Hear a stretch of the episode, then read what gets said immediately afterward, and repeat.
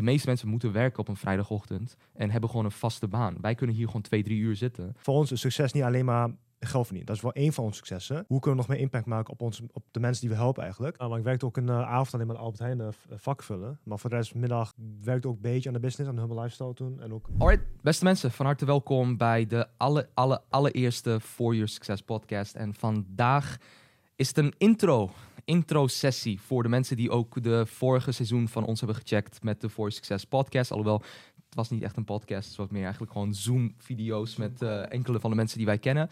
Uh, ik stier met uh, mijn bro Kaho.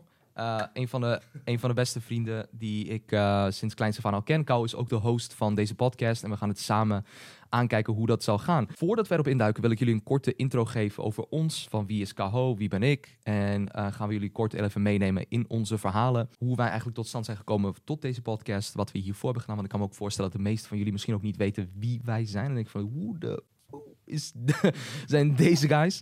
Dus we gaan eigenlijk gewoon eerst even kort beginnen met de introductie. Daarna gaan we het hebben over nou ja, wat is deze podcast? Waarom zijn we deze podcast überhaupt gestart? En vanuit daar gaan we even kijken ja, over een aantal punten over onze childhood, memories, andere dingen. Hoe we tot op dit punt zijn gekomen met uh, twee, drie businesses. En ja, wat we eigenlijk allemaal tot op heden hebben gedaan. Dus kortom, uh, laten we beginnen met een korte intro, man. Ik zal, uh, ik zal denk ik even de kickstart doen van nou ja, wie ben ik? Nou, mijn naam is Stefan Angelovic. Ik ben ook de tweede host in die zin van deze podcast. En wie ik ben, is ik ben nou, op dit moment 26 jaar oud. Ik heb nu op dit moment twee, drie bedrijven lopen. En met die ambitie om dan uiteindelijk mijn bedrijf ook door te groeien, wat we nu ook aan het doen zijn, heb ik een heel team kunnen bouwen om die bedrijven heen. Uh, met Kaho doe ik het dan samen. Dus wij runnen eigenlijk de businesses samen vanuit daar. En ik heb eigenlijk altijd de ambitie gehad om niet alleen YouTube-video's te maken, maar ook om te zeggen van, hey, weet je wat, ik ga ook aan de slag om een een grotere impact te gaan maken. En dat is nu ons doel eigenlijk met ons educatiebedrijf For Your Success. En For Your Success heeft dan bepaalde takken vanuit de zakelijke kant, maar ook vanuit de particuliere kant, waarin we zoiets hebben van oké, we willen dit gewoon nog meer doorgroeien, meer mensen inspireren. Want in alle eerlijkheid, tegenwoordig, iedereen start online, iedereen wil iets online gaan doen. Ze weten niet welke opleiding ze willen gaan doen, ze willen iets anders gaan starten. En er is niet echt een podcast, vind ik persoonlijk, in de Benelux op dit moment, die mensen een beter beeld geeft van ondernemen in het algemeen. En hoe jij kan starten als beginner zijnde, maar ook hoe je als ervaren ondernemer stappen kunt gaan zetten. Dus wat wij gaan doen, en wat onze ambitie is met deze podcast, is om mensen uit te nodigen in ons netwerk die al een lopende business hebben. Of mensen die zijn begonnen bij ons, vanuit ons educatiebedrijf voor succes. En vanuit daar stappen hebben kunnen zetten om nou, resultaten voor zichzelf te behalen. Wat die resultaten ook mogen zijn. Kan op mindsetgebied zijn, kan op businessgebied zijn, kan op relatiegebied zijn. Dus misschien dat we daar ook iets mee gaan doen. Dat zullen we dan even zien. Het gaat om jouw succes. Dus jouw succes verbeteren en verhogen door middel van het luisteren van deze podcast. Dus mijn um, ja, intro is eigenlijk meer geweest of voor succes. Uh, maar we zullen nog zoveel veel meer induiken op, uh, op, op mij en, en nou ja, mijn verhaal en dat soort dingen.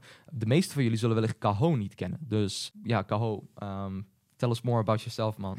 ik ben wel heel benieuwd van... Mensen, want mensen zien altijd mij als, de, als het gezicht, weet je. Maar ik ben maar een klein deel uh, van voor succes. Heel veel dingen gebeuren in de achtergrond. Dus uh, ja, man. Ja, top. Uh, ten eerste, mijn naam is Kahau. Uh, toen is Kahau Shang. Shang is mijn achternaam. ik ben zelf 60 jaar oud.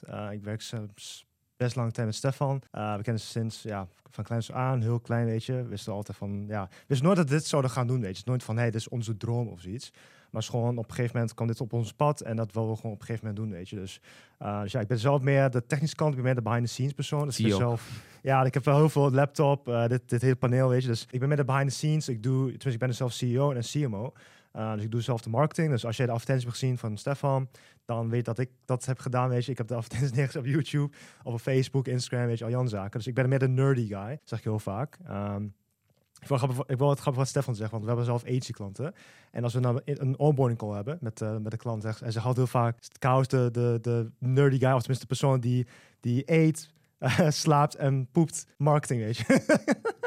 dat is altijd zo, dat is wat, wat hij altijd uh, beschrijft over mij, weet je. Maar daar ben ik eigenlijk ook wel van. Ik hou van marketing. Ik hou van de technische dingen die ik wil instellen, maar ook van ben meer de behind the scenes guy. Ik ben niet de persoon van die voor de camera wil staan van hey, da, da, da, ik, ik kan het wel doen, maar zo'n persoon ben je niet. Van liefst dat ik Stefan de persoon Zoals hij vindt dat niet leuk, weet je. maar maar ja, op zich... Toch zijn we hier. Toch, toch zijn, toch we hier, zijn we Ja, toch zijn we hier met, ja, voor de podcast. Maar uh, ja, dus dat ben ik. Uh, ik ben gewoon meer de behind the scenes guy. Uh, maar ja, dat is ook voor mij nieuw, weet je. Van als je mij vaak ziet en ja, niet alleen voor dat, maar ook gewoon dat jullie mij ook beter leren kennen. Uh, en uh, ja, eigenlijk gewoon ja, niet alleen Stefan ziet, maar ook mij ziet, weet je. Uh, gewoon de persoon ook behind the scenes, die ook de zaken runt binnen For Success, For Success Services. dus ja, dus dat ben ik. Het is eigenlijk een soort van yin en yang, weet je. Van yin kan niet zonder yang. Zwart kan niet zonder wit. Weet je, van het, het, wij versterken elkaar heel erg omdat we uiteindes zijn. We verschillen redelijk. Alleen we ondersteunen elkaar ook op die gebieden. Waarbij Kaho nerdy zou ik niet willen zeggen. Ik zou meer willen zeggen gewoon een expert gewoon op technische zaken. Weet je, van dat, dat is eigenlijk hoe ik het zie. Maar vanuit daar, weet je, ik zeg ook altijd met mensen in bedrijven van je hebt verschillende krachten die je kan bundelen. Je hebt verschillende kwaliteiten, maar je hebt ook verschillende zaken waar iemand minder goed in is. Mm. Ik kan de technische dingen doen.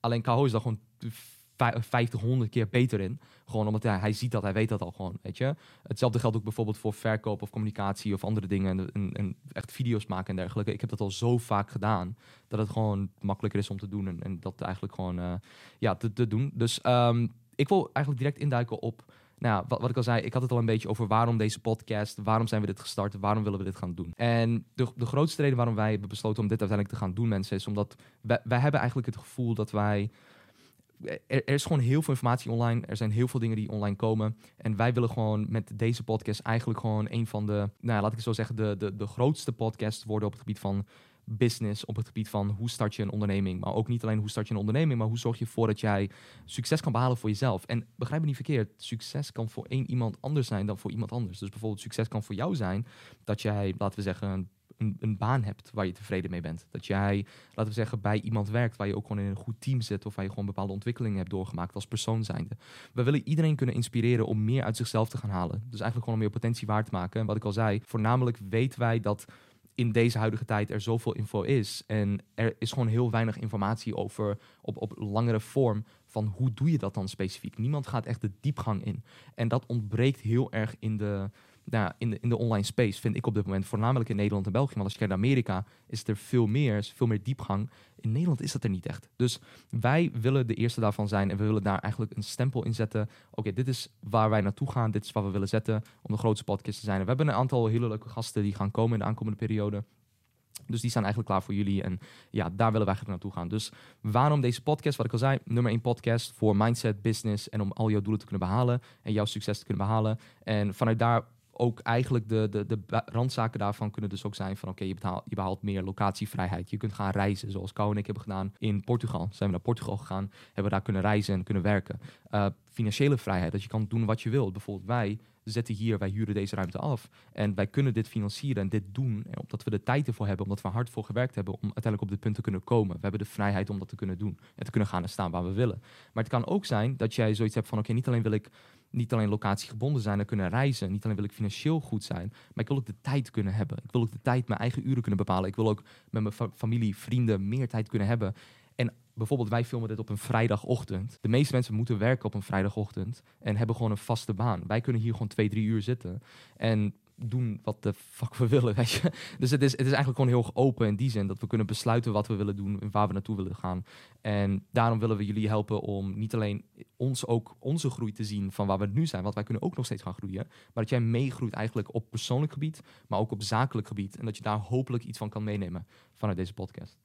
Precies dat, weet je. En ik denk dat de meeste mensen denken van, oh, succes is alleen maar geld verdienen of, of ik veel, een Lamborghini halen. Dat ook heel vaak tegen de podcast die we eens maar willen uitnodigen van, het gaat niet alleen om dat, weet je. Het gaat ook om meer dan alleen geld of, of een Lamborghini hebben of iets anders. Van iedere succes is anders, weet je. Elke persoon heeft anders succes of een definitie van succes. Voor ons is succes niet alleen maar geld verdienen. Dat is wel één van onze successen. Maar het is niet onze enige succes, weet je. Ons, ons succes ook van, hey, hoe kunnen we nog meer impact maken op, ons, op de mensen die we helpen eigenlijk. Maar ook op onze eigen familie, weet je. Dus dat is voor ons dan succes. Maar voor een andere persoon kan het vooral iets anders zijn, weet je. Kan voor me zeggen, hey, die heeft eindelijk een baan gevonden. Of die heeft eindelijk een carrière een modellen uh, ja, wereld, weet je, als voorbeeld. Dus het kan heel verschillende zijn. Of zelfs een relatie, weet je. Of eigenlijk dat ze een kind hebben, weet je, als voorbeeld. Om bijvoorbeeld vier jaar lang tijd niet, niet kunnen krijgen als voorbeeld, weet je. Dus dat soort verhaal vind ik gewoon leuk om ja, meer over te vertellen eigenlijk. En gewoon met de gasten die dat heeft ervaren, gewoon echt op een punt na kunnen vertellen, weet je. En dat vinden wij gewoon echt interessant, dus...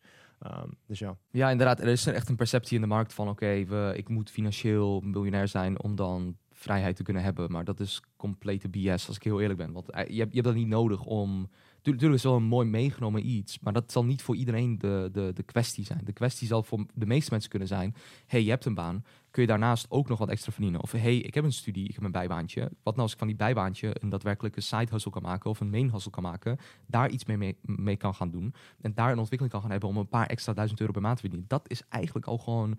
Mensen beseffen niet van wat is het getal dat jij nodig hebt om die vrijheid te kunnen hebben op financieel gebied, tijdgebied, uh, locatie, onafhankelijkheidsgebied. Dat is niet miljoenen. Dat is, dat is niet wat je nodig hebt in die zin om dat te kunnen gaan doen. Jij kan met minder al heel veel behalen. En er is een bepaalde stigma en perceptie in de markt op dit moment. En die willen wij gewoon aangaan en gewoon zeggen van... hey, weet je wat, maakt niet uit wat voor succes je behaalt. Alles kan een succes zijn in die zin. Tuurlijk, als jij helemaal niks doet en op je lui reet zit... ja, is dat dan een succes? Ja, nee, niet. Weet je, van, uh, weet je daar zijn we niet van. Je moet wel tempo erachter zetten en je, doelen behalen. Maar wat je doelen ook kunnen zijn, dat maakt op zich niet heel veel uit. Vanuit daar, als je je doel hebt gezet en je behaalt dat, dat vind ik een, een waardevolle iets om over te praten. En dat te kunnen delen aan een grotere doelgroep. Dus die mensen willen we de kans geven om dat te gaan doen. Uiteraard ook ons eigen verhaal, waar deze voornamelijk eerste episode over zal gaan. Over hoe en wat. Dus dat brengt me eigenlijk op mijn tweede punt. En dat is nou, waarom is het seizoen 2? Dus je zult misschien denken van oké, nou waarom, waarom is het seizoen 2, Stefan? Van, en ik hou van, hoe komt dat? Van, de, de, de reden waarom het seizoen 2 is, is als jij teruggaat waarschijnlijk naar de clips die wij hieronder hebben of ergens op ons YouTube kanaal, dan zul je zien dat wij ook iets van 12, 13 podcast, podcast episodes, Zoom podcasts, als het ware, opnames hebben. Waarin we mensen hebben geïnterviewd. En dat waren voornamelijk studenten van ons, succesvolle studenten. Die trouwens ook hier waarschijnlijk ook op gaan komen. Dus die gaan we ook nog een keer interviewen. En ook nog heel veel andere mensen die we ook gaan interviewen. Maar we wouden eigenlijk dat doorzetten. Maar dan in een live variant. Dus we hebben nu een live setting waar ook mensen kunnen zitten. We hebben daar een plek, daar een plek, hier een plek en hier een plek. Dus we kunnen eigenlijk vier mensen in totaal hebben. Hier misschien zelfs meer mensen. Waarin we eigenlijk iedereen willen interviewen, maar dan op live locatie. Want we vinden het gewoon veel leuker om live mensen te zien en uit te kunnen nodigen op locatie. In plaats van dat alleen maar via Zoom doen. Het is meer de makkelijkere manier om dat te doen. En dat was ook met, met betrekking tot bepaalde dingen die er toen gebeurden in de wereld. Uh, waardoor we dat niet konden doen en op locatie dingen niet konden. Maar nu kan het. Dus dat willen we nu ook gewoon heel graag gaan doen. Dus vandaar dat je dit zult zien als seizoen 2. En seizoen 1 was dus eigenlijk meer de Zoom-opnames in die zin. Dus, uh, dus dat. Uh, dan gaan we direct door naar ons verhaal. Wat is ons verhaal? Nou ja, goed, we hadden net al heel veel kort van, oké, wie zijn wij? En noem het maar op, we kennen elkaar sinds kleins af aan. Maar laten we daar even iets dieper op induiken. Dus uh, ja, we, helemaal tot het begin, als we het helemaal terugleiden naar het begin, is het eigenlijk gewoon het eerste punt dat wij in aanraking zijn gekomen, is omdat we allebei zelf komen uit Hengelo. Ja. Dat is zeg maar de plek waar wij allebei... Je bent ook geboren in Hengelo, toch? Waarschijnlijk wel, ja. Ik heb, ik, heb nooit echt, ik heb nooit echt gevraagd aan mijn ouders of, het, uh, of ik geboren ben in, uh. Maar waarschijnlijk wel, nee. Ja. ja zo moet ik ben in Brazilië geboren, nee. uh, nee, maar weet je wat? Van, we zijn allebei geboren in Hengelo, geboren en getogen in Hengelo. En vanuit daar, Kou heeft natuurlijk roots uit, uit China, dan voornamelijk Hongkong. Mm. Ik heb dan roots uit, uit de Balkanomgeving en dan voornamelijk ja, Servië in die zin. En onze ouders zijn, want je ouders, ouders zijn wel opgegroeid in, gewoon in Hengelo? Of gewoon zijn ze van het... Nee, ze zijn wel van, van Hongkongs, maar wel gereisd naar naar Nederland. En ik heb ook een keer gevraagd, want uh, toen mijn oma overleed, heb ik toch gevraagd aan mijn, uh, ook volgens mij tegen mijn broer, maar ook tegen mijn neefjes, van waarom zijn ze überhaupt naar Frankrijk? Want, want sommige familie van mij zijn ook in Frankrijk, hmm. maar ook in Canada en ook in Nederland, weet je, al zaken. Dus van waarom zijn ze daar gekomen, weet je? En dan de, de hoofdreden was vooral de, de kansen die daar lagen, weet je. Want in mm. Hongkong mm. is niet veel kansen op het gebied van heel veel geld verdienen. Uh, maar ze kwamen dus in Nederland, en tenminste, sommigen kwamen in Nederland, sommigen kwamen in Frankrijk of gingen naar Frankrijk verhuizen. En dat was gewoon meer de, de kans die daar waren, weet je. Dus, dus meer geld kunnen verdienen op dat gebied. Uh, ironisch gezien is dat waarschijnlijk niet de, heel goed geval, weet je, van ja, we verdienen veel meer, maar is ook meer, ja, moet ook belasting afstaan en andere zaken. Dus op zich, we zijn niet echt heel rijk geworden op dat gebied, weet je. Dus, um, dus eigenlijk is het ja, zo van een uh, American Dream, weet je, dat heel veel mensen naar Amerika gaan voor de American Dream, voor geld verdienen, et cetera. Maar dat is echt een grote reden waarom ze mm. kwamen. Ik dacht, ik dacht, er was iets met oorlog, maar blijkbaar was het niet zo uh, geweest. Dus was blijkbaar gewoon de kansen die er waren in, uh, in, ja, in Hongkong. Of ja. sorry, in Nederland. ja, precies. Ja, dus dat, nee, dat, is, dat is ook heel veel reden waarom heel veel mensen denk ik komen naar, naar het westen toe. Is van, ook, oh, er zijn meer kansen, maar ik, meer dingen kan ik doen. Mijn ouders was precies hetzelfde. Alleen wat was ook de oorlog natuurlijk toen, toen dat kwam. En toen hadden ze zoiets van daarvoor, in 92, 1992, gingen ze dan dus daar naartoe. En, uh, en, ja, sindsdien zijn we naar Nederland, uh, zijn ze in Nederland gegaan. Maar vanuit daar hebben wij dus, zijn we dus geboren. Uh, Kaho 1997, ik 1996. En toen kwam we eigenlijk, toen wij vijf jaar oud waren, in groep 1 van de basisschool. En vanuit groep 1 van de basisschool had ik al, ehm, ja, natuurlijk was hij daarmee begonnen. Ik was ermee begonnen en nog een aantal andere mensen die we ook eh, nu nog steeds waar we goed mee zijn. Vanuit de basisschool hebben wij, ehm, ja, zijn we toen mee begonnen. En vanuit daar gingen we dus, waren we dus acht jaar samen. En toen werden we eigenlijk al beste vrienden. En liepen we rondjes rondom het voetbalveld pratende over hoe wij tijdens, eh, weet je, van met gamen en dat soort dingen, dingen gingen doen. En dat was eigenlijk het begin van eigenlijk wat we nu hebben en wat we nu uiteindelijk hebben uitgebouwd. Dus vanuit daar gingen we dan dus naar, vanuit de basisschool, waar we een hele goede band hadden gecreëerd met elkaar, gingen we naar de middelbare school, waarbij KHO één richting op ging met een andere opleiding. Ik ging een andere richting op met een andere opleiding. En toen groeiden we enigszins uit elkaar. Maar toen kwamen we weer terug met eigenlijk het onderwerp over gamen. Dat was altijd ons, ons, ons ding, zeg maar. Van oké, we deden dat en daar klikte het gewoon heel goed op en, en dat soort dingen. En ik denk dat we ook al heel veel vergelijkenissen hadden, zeg maar. Vooral, ehm, ik, ik denk ook vooral qua, qua mindset. Ik denk dat dat het ding was. Ehm, en dat is wat heel veel mensen niet beseffen. Als iemand dicht bij hun hebben, dan gaan ze, ik weet niet, tafereelen uit, uithangen, zeg maar. Van wat ze zoiets hebben van: oké, eh, ik ben wel goed met deze persoon, maar ze geven alleen om zichzelf. En bij ons was het altijd van geven en, en nemen. Ik denk ook vooral hoe wij zijn opgegroeid in die zin. Uh, vooral de ja, ik wil niet zeggen de buitenlandse cultuur en dat soort dingen, want er hangt ook een stigma over dat. Maar het is gewoon meer van, oké, je, je, je geeft, je, je, je neemt niet alleen. Weet je, het is niet alleen van ik, ik, ik, ik, ik. Het is meer van, oké, hier alsjeblieft, bijvoorbeeld als Kou bij mij komt, van oké, hier heb je eten. Uh, ik kom bij hem, dan geeft hij mij weer dingen van, uh, bijvoorbeeld de horloge die ik nu draag, die is bijvoorbeeld van hem, van we geven elkaar dingen, meer dan dat we dingen nemen. En ik denk dat dat een, de essentie en de basis is eigenlijk van een, van een vriendschap voor de lange termijn, om eigenlijk ja, iets te hebben waar je op kan bouwen. Weet je, ik zeg altijd: een huis kun je niet bouwen op een, op een slechte ondergrond. Je moet gewoon een goede basis hebben. En bij ons, omdat we al elkaar vanaf ons vijfde levensjaar kennen, was het gewoon een kwestie van: oké, ehm, we, op de een of andere manier kwamen we altijd weer terug bij elkaar. Altijd was het weer van: oh, yo man, zullen we, zullen we dit doen? Zullen we dat proberen? Zullen we dat testen? Zullen we dit kijken?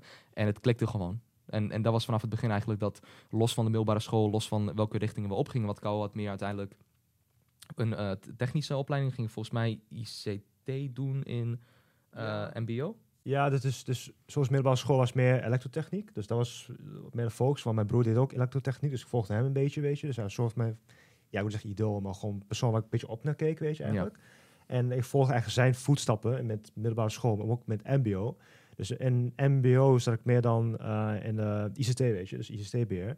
Want met dit broer deed ook ICT-beheer, weet je. Dus, uh, maar ik, heb ook, ik, had ook heel veel interesse in computers, meer, ja, meer computerbouwen, om eerlijk zijn. Maar qua ICT-BS meer, ja, hoe kan je een probleem oplossen met een computer en dat soort dingen. Maar dat is wel, ja, op een gegeven moment kwam ik achter dat het niet niks is voor mij is. Hmm. En toen ging ik stap naar, toen, ja, toen ik geslaagd was, uh, dat is ook een mooi verhaal natuurlijk, ga ik zo vertellen. Uh, ging ik naar uh, HBO, dat was meer creatieve, op, creatieve opleiding. Dus eigenlijk kunst en techniek. Dus eigenlijk een mix van ja, tekenen, mix van videografie, fotografie, ook een beetje programmeren, zulke dingen. Maar dat was echt niet iets wat ik wou doen. Maar mijn interesse was vooral de videografie en fotografie. Toen hadden we nog ook onze brand, weet je, Humble. En dat was wel een punt, want ja, waar we maar... Uh, ja, waar ik iets meer creatief was. Ik, ik, ja, mijn inspiratie was vooral niet aan Christian Guzman, maar ook Matt Coleman, weet je. Matt Coleman, mm. de hulp met Christian Guzman. Ik zag hoe, hoe vet het was om, om, ja, om video's te maken, weet je. En ook gewoon foto's te maken. Ook, ja, dus ook heel veel ja, correlatie met Humble. Mm. Want we moesten dan ook foto's maken, video's maken, et cetera. Dus dat is echt ja, iets wat ik aan interesse had. Maar toen was het ook steeds minder minder geworden. Maar om even snel terug te gaan naar MBO-tijden. Want uh, ik deed toen ICT. Ik, voor, ja, voor vier jaar volgens mij deed ik ICT. Op de derde vier jaar had ik een beetje interesse verloren. Maar het grappige is, er was echt... Heel veel mensen gingen cheaten. Niet cheaten op basis van relatie, maar cheaten op basis van uh, toetsen, weet je. Toetsen mm. uh, afkijken. Want die kon letterlijk, want we hadden toen een Cisco-netwerk, weet je. moest, moest toets maken van Cisco. Of netwerk, hoe dit dat werkt, weet je. En je kon letterlijk gewoon internet gewoon vinden wat de antwoorden waren, weet je. En iedereen had die antwoorden, iedereen. We gingen gewoon WhatsApp, ook WhatsApp, weet je. Gingen gewoon meteen antwoorden, gewoon, of die lijst van antwoorden ging gewoon even doorgeven aan elkaar. En zo hadden we gewoon, weet je, uh, 8, 9, 7, 10, weet je zelfs. Maar grappig, wat ik deed, heel vaak deed, is eigenlijk gewoon, ik, ik maakte expres fouten om dat niet perfect te laten, weet je. Dat ik niet eens 10 haal. Soms, soms hou ik poging 9, dat ik dat niet wou, weet je. Oh, man. dat niet wou. Dus eigenlijk is dat een opleiding waar ik heel vaak gecheat, om echt eerlijk te zijn, ik geef het toe. Um, maar ja, ik had echt niet veel passie in dat. Dus ook de dingen die ik daar leren, van oké, okay, soms gebruik ik wel sommige dingen die ik leren. Maar 90%, 90 van het geval, ik gebruik er echt niks wat ik daar geleerd heb. Gewoon niet veel. Dus, uh, ja, dat is het schoolsysteem. Ja. Want dat is echt wat ik ook de meeste mensen zeg van... Hey, als je naar school gaat en je hebt kijk, voor 80% van de mensen zul je waarschijnlijk niet iets aan overhouden nadat je klaar bent met die opleiding. Ja. Van je zult waarschijnlijk in iets heel anders gaan. Weet je, de meeste mensen die misschien die opleiding hebben gedaan bij jou, de grote kans dat ze misschien niet in, de, eh, in die specifieke sector terecht zijn gekomen. Dus het is heel erg van, oké, wat vind je leuk om te doen? En dat is wat het schoolsysteem, waarom wij dus ook voor succes eigenlijk hebben opgericht, Mm. is meer vanuit de gedachtegang van, oké, we hebben zelf een middelbare school gedaan natuurlijk, zelf dat voltooid, zelf altijd eh, ook nog een HBO gedaan, waar we zo nog even nog iets meer op in gaan duiken. Mm. Maar het schoolsysteem was altijd gewoon het.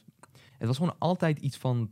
Het, het, het kan handig zijn, want ik wou uiteindelijk ook tandarts worden toen ik nog op, eh, op de middelbare zat en dat soort dingen. Mm. Ja, maar uiteindelijk, het, het, het, het, is, het heeft niet. Het neemt dingen met zich mee die wel handig kunnen zijn, Mm. maar die niet uiteindelijk ertoe gaan leiden dat jij daadwerkelijk dat gaat gebruiken in jouw dagelijkse leven. Van, Mm. Misschien wel in je beroepsleven, maar het, het leert je niet over jouw persoonlijke kwaliteiten. Waar ben jij goed in? Waar heb je een passie over? Wat vind Mm. jij leuk om te doen? En waar wil je skills in gaan bouwen? En in welke markt is dat? Dus ik zeg altijd, het zijn drie pilaren. Je hebt dan je passie. Wat is je passie? Wat vind je leuk om te doen? Je hebt de markt. Wat, wat heeft de markt nodig? Wat hebben de mensen nodig? En wat is dan uiteindelijk een skill die jij kan gaan ontwikkelen? Mm. Als je dat onder de knie kan hebben en die drie dingen voor ogen hebt, dan kunnen we kijken van oké, wil jij daarvoor eh, bij iemand gaan werken? Vind je dat fijner om te doen en daar gewoon een goede salaris bij te hebben? Of wil je de kant op gaan van ondernemen, rekening houdende dat je wel tijd en moeite en energie erin moet gaan steken om een onderneming te starten? Want niet iedereen is een ondernemer. Dat is Ja. gewoon niet het geval.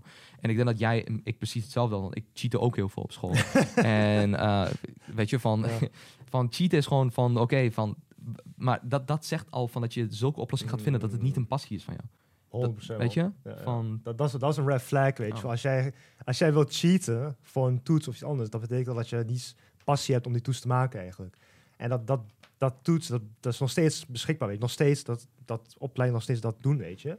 En dat, ik weet niet, dat helpt echt niet veel. hè. Van, als ik ook zelf naar mezelf kijk, gewoon, want de opleiding die ik gedaan heb, weet je, van, van elektrotechniek ineens naar ICT, ineens naar creatieve opleiding. Van, het is niet een soort van, oh, je bent dit en je wordt altijd zo voor jaren, weet je. Want je bent toch in de jongere jaren ga je nog heel veel experimenteren van, oké, wat vind je leuk? Wat is jouw passie? Wat wil je graag worden in de toekomst? Want de meeste kinderen zeggen van, ah, ik wil astronaut worden, weet je. En op een gegeven moment als ze 26 zijn, waar we nu in zijn, of 30 zijn, weet je, dan eh, doen ze bijvoorbeeld buschauffeur, weet je, als voorbeeld.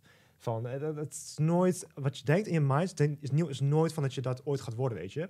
Van, er gaat altijd iets gebeuren waardoor je dan van pad gaat veranderen, of, of een passie gaat veranderen, al die andere zaken. Want om echt eerlijk te zijn, ik, ik wou, liefst wil ik maar een racecoureur worden, weet je. Maar dat had ik toen niet, toen ik klein was. Maar als ik nu besef van, natuurlijk, ik vind dit gewoon leuk. Gewoon business bouwen samen met Stefan, met het team van For Success, et cetera, et cetera. Maar op een gegeven moment, mijn passie is op een gegeven moment wel een beetje een racecoureur worden, weet je. Als, want ik keek ook laatst die eh, YouTube-serie, eh, Road to Le Mans, weet je, van Michael, Mm. van Michael Mm. Fassbender, die acteur, weet je.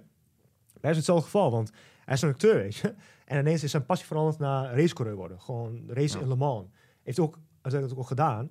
Maar ik vond het gewoon heel mooi om te zien van, dat hij van zijn ja, originele passie, dus acteren eigenlijk, en dat geld die hij verdient, eigenlijk gewoon weer in zichzelf voor zijn andere passie. Dus zijn auto racecoureur eh, passie, weet je. En dat vind ik gewoon leuk om te zien. Van je passie verandert heel snel op een gegeven moment.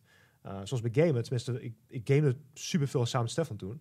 Maar als ik nu een PS4 zie, eh, ik heb trouwens ook een PS4, maar ik speel echt nauwelijks nu op de ding. Van, ik zie een PS4, ik heb gewoon geen zin in. Van, ik, mijn, mijn dopamine is zo laag geworden voor, voor gamen, dat ik gewoon geen zin heb om te gamen. Ik heb dat zo vaak gedaan, het is gewoon, van, het is gewoon niet meer leuk geworden, weet je. Dus, Ja, en om, om, om het even weer terug te brengen, ook naar jullie die dit aan het kijken zijn, even los van ons. Hmm. Da, dat is ook de reden waarom wij zoiets hebben van, ook al inspireren wij één persoon met dit wat we aan het doen zijn. Eén iemand, met de waarde die wij geven. Want we willen het een waardevolle, eh, waardevolle podcast maken waarin je gewoon, waar we, wat, wat ik ook al zei, de diepgang in zullen gaan. Als maar één persoon kunnen motiveren met dit en inspireren om uiteindelijk iets voor zijn persoonlijk leven te verbeteren of voor zijn eigen zakelijke leven, dan is onze job al gedaan. En dat is wat we eigenlijk gewoon willen doen. En dus daarin, wat Kou ook net zegt, van doordat wij dus een business hebben gestart, want dat is onze route, hebben wij dus ook meerdere mogelijkheden kunnen hebben om te connecten met het netwerk. Te kijken naar, naar andere mensen in onze omgeving, om dingen te kunnen doen die wij leuk vinden om te doen. En als jou dat kan helpen en kan inspireren om te zeggen van oké, boem, ik heb nu uiteindelijk iets gevonden,